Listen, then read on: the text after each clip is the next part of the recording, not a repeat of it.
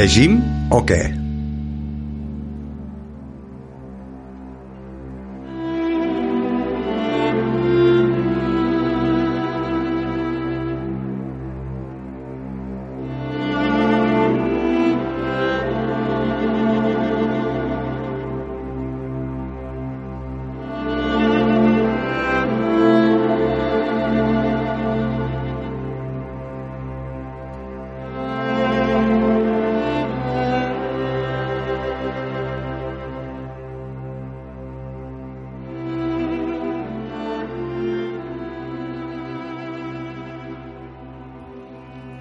Hola, sigueu molt benvinguts a les petjades d'estiu del programa Llegim o què? Un programa i un podcast que us parla sobre llibres i bones lectures. Soc Pilar Gili, creadora i presentadora del programa que durant la temporada regular s'emet cada dimecres des de Ràdio Castellterçol. Però ara mateix la ràdio i els seus col·laboradors estem de vacances. No obstant això, mm, seguim amb ganes de parlar sobre llibres i aprofitem la pausa estiuenca per anar deixant petites petjades literàries per les xarxes, com, com aquesta d'avui, la tercera que fem aquest estiu. Si ens heu seguit ja haureu vist que aquest estiu traiem un podcast breu, eh, tot coincidint amb alguna efemèride de, del mes en curs. Avui hem recordat que aquest mes d'agost, concretament el dia 17 d'agost, va fer 80 anys de la mort de l'escriptora Irena Nevirovsky, una escriptora d'origen jueu, nascuda a la Ucraïna de l'imperi rus, quina família es va veure obligada a exiliar-se a França fugint dels bolxevics i que al cap d'anys, quan Nemirovsky ja era una jove escriptora reconeguda pels francesos, amb l'entrada del nazisme va ser deportada al camp d'extermini d'Auschwitz. Ella morí allà, de tifus, en el camp d'extermini, i el seu marit va morir a la cambra de gas. Per sort, abans, varen poder amagar a les seves dues filles, la Michelle i la Denise Epstein, que durant anys van custodiar la maleta que la mare els hi havia lliurat maleta que contenia els manuscrits de diverses obres, tal com Suite francesa i Sang calenta. Recordo que a la quarta temporada del programa vàrem dedicar un episodi, concretament l'episodi número 108, a una de les obres d'aquesta autora, us ho comento per si voleu recuperar-lo i saber més sobre la seva vida i sobre suite francesa. En aquest episodi en parlàvem.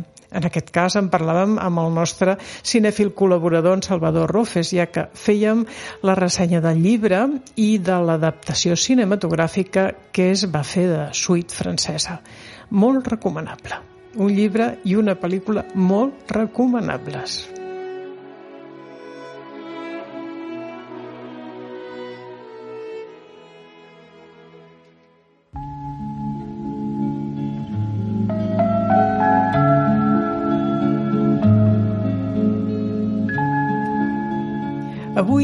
Us parlaré de la novel·la pòstuma d'Irene Nevirovsky, Sang calenta, Chaleur du sang, el títol original.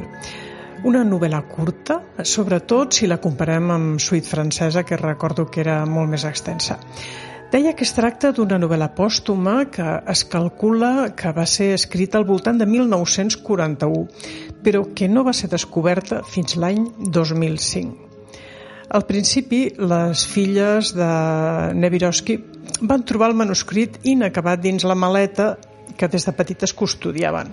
Però el 2005 eh, van trobar la resta de l'obra entre els papers que conservava l'editor d'Irene Nevirovsky. Com en el cas de les altres obres de les filles, van promoure la seva edició i va sortir publicada en francès el 2007. El llibre que he llegit, en català, està publicat per Viena Edicions dins la col·lecció Petits Plaers eh, de portadata de setembre de 2021, la primera edició, traduïda per Anna Casasses. De fet, eh, Anna Casasses també va ser la traductora d'una edició de l'any 2007 eh, feta per editorial La Magrana.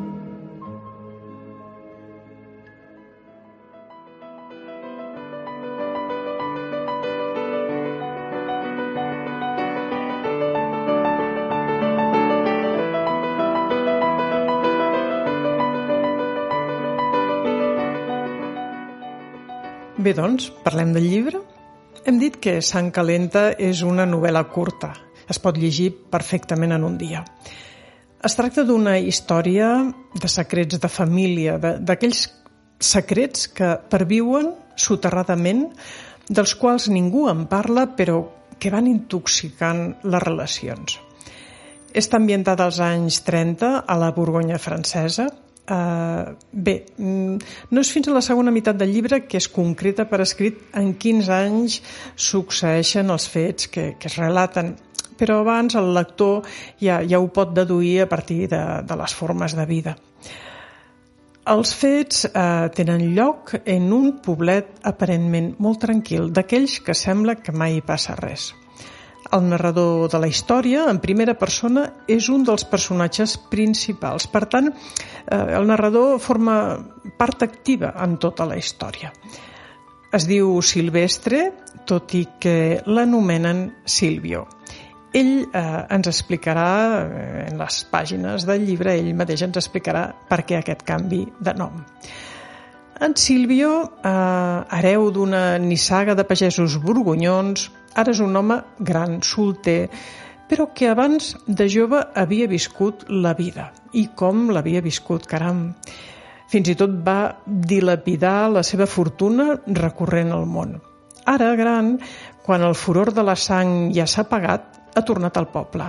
Viu sol i es dedica a contemplar el paisatge, els veïns i reflexionar sobre la societat d'aquest poble de la Borgonya. A través de Sílvio coneixem com és el poble, com és la seva gent, eh, com viuen, com es relacionen, de què viuen.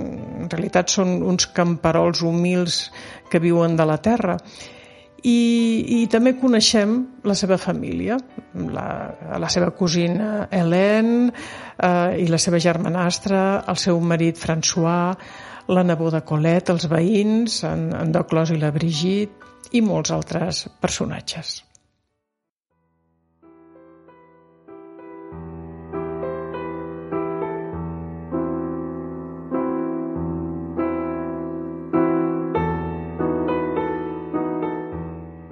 El llibre comença com una novel·la costumista, amb la descripció de paisatges evocadors, en converses entre els personatges, fins que es produeix un fet, una mort inesperada, i a partir d'aquí es desvelen secrets que fins llavors havien estat ocults.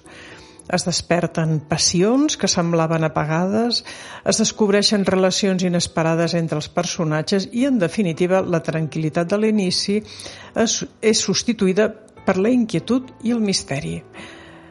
L'aconteixement tràgic, la mort sobtada d'un dels veïns del poble, actua com l'espoleta per fer aflorar tot el que està soterrat i que necessitava ser alliberat. En aquell poble aparentment tan tranquil hi ha passions ocultes, amors prohibits, enganys, infidelitats, hipocresia i tot això, bum, aflora de cop. Us diré que a partir de la segona part del llibre apareixen tants girs inesperats en tan poques pàgines i inclús tanta intriga que, que a voltes m'ha semblat estar llegint una novel·la d'intriga. La novel·la, de fet, ens ve a dir que les accions de la joventut, les accions apassionades quan la sang i les pulsions ens bullen, eh, les accions que es fan a, a sang calenta, les bogeries, comporten conseqüències, encara que romanguin ocultes durant molts anys. També, eh, a través de la reflexió del protagonista, l'autora mostra com de diferents es veuen i viuen les passions, mm, com de diferents quan un és jove i quan un arriba a l'edat adulta, a la maduresa. Mm, bé, o potser no tant, eh? Ja veureu, ja ho llegireu. Vull posar especial èmfasi en la manera tan bonica que Silvio, de mica en mica, eh, va recordant episodis de la seva joventut com, com, com els vivia d'aquella manera, manera tan apassionada i sobre quina lectura em fa ara.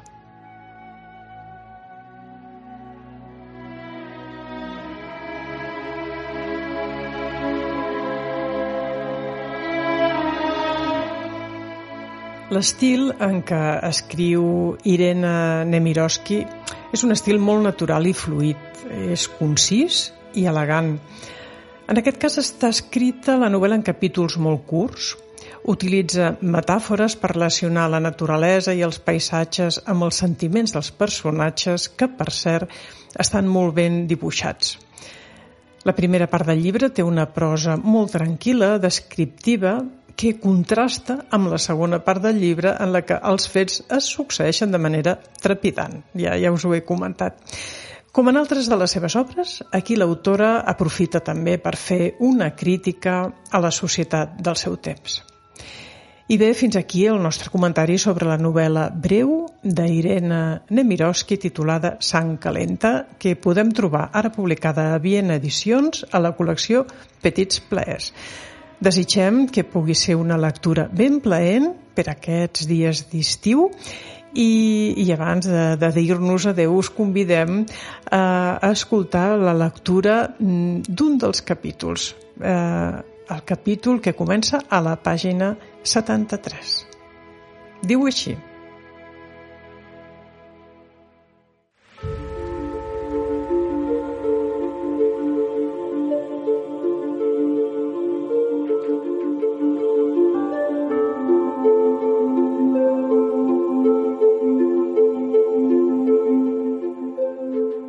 Tenim una tardor precoç.